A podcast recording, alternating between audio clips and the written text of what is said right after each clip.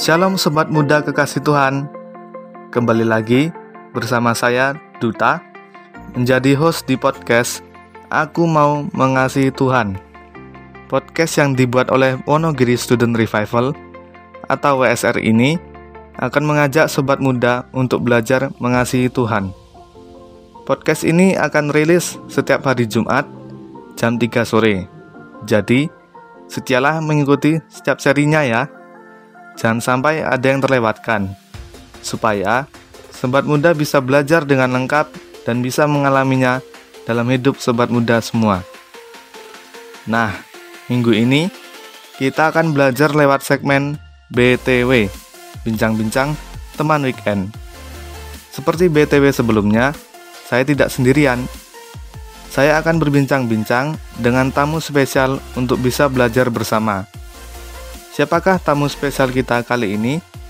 Jangan ke mana-mana ya, stay tune terus. Kalau di episode minggu lalu, kita sudah belajar bersama mengenai tema Apakah Alkitab bisa dipercaya? Di BTW episode ini, kita akan bincang-bincang dengan tema Bagaimana membaca Alkitab? Saat ini saya sudah bersama dengan tamu spesial kita, yaitu Mas Markus.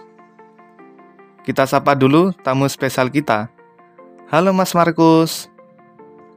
Bagaimana kabarnya? Sudah siapkah untuk berbagi? Halo Mas Duta, bersyukur kabar saya baik. Saya juga sudah sangat siap ini. Puji Tuhan ya Mas.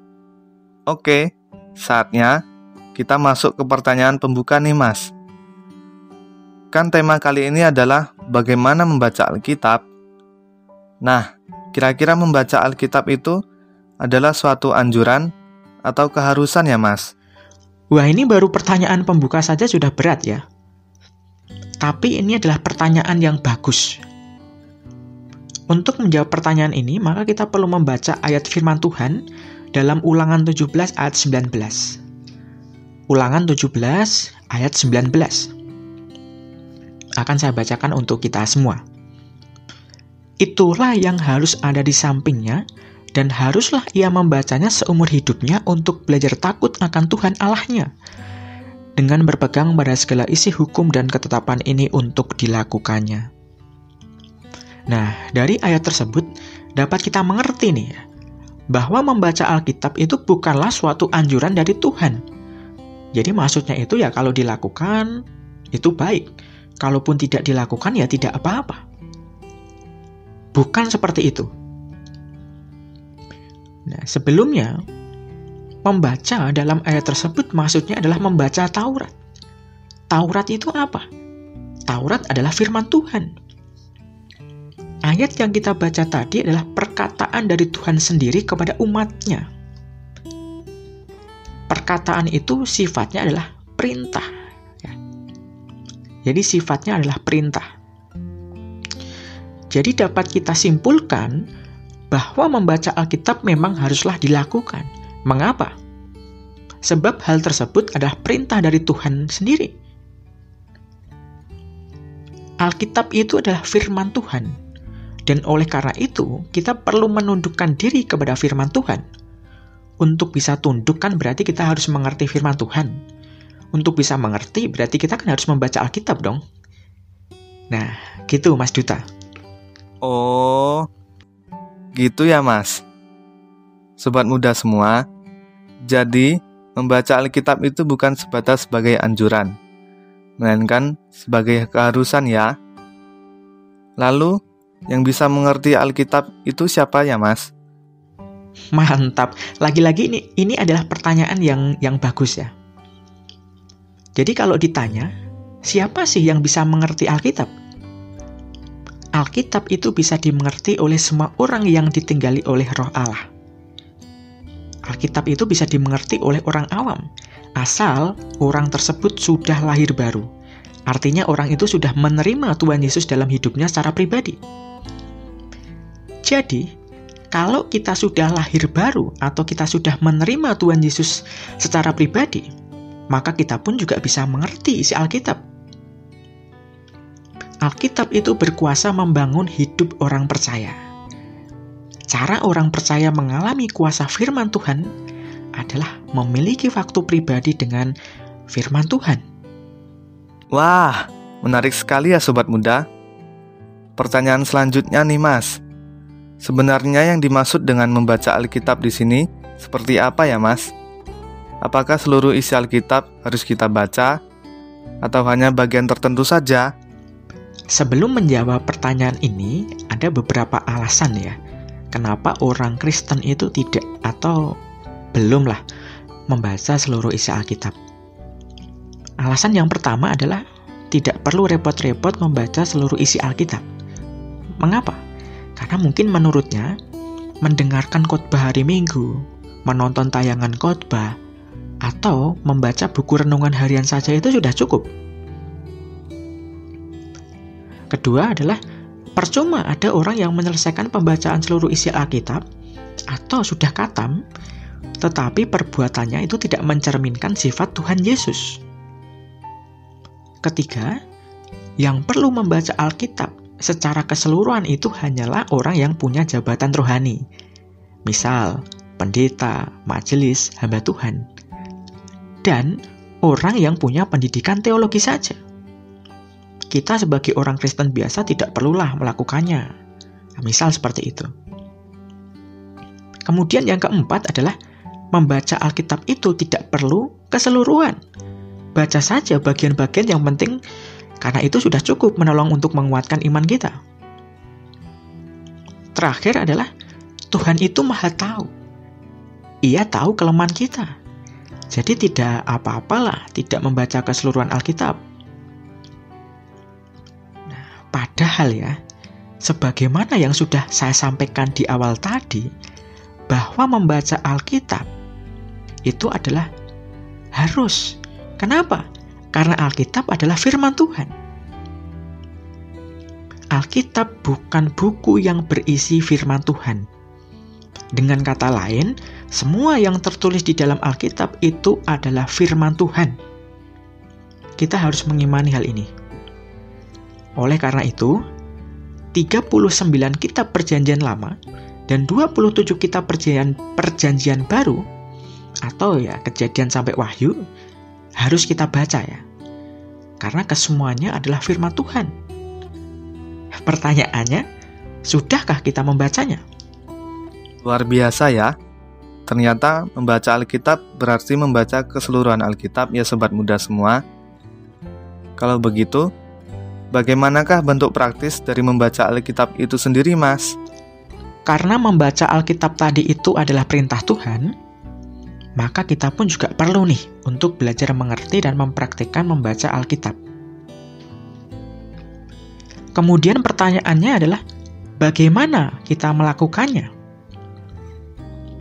Bentuk praktisnya adalah dengan satu, Bible reading, dua, saat teduh atau daily bread. Tentu, Bible reading ini hanya istilah yang saya pakai untuk menunjuk kepada aktivitas rutin dalam membaca keseluruhan Alkitab. Istilah lain yang juga populer sebagai misal adalah pembacaan Alkitab setahun, dan lain sebagainya. Yang pasti intinya itu. Lalu, bagaimana kita melakukan Bible reading ini? Nah, saya ada beberapa tips nih buat sobat muda. 1. Menetapkan waktu untuk membaca secara teratur, antara 3-4 pasal per hari.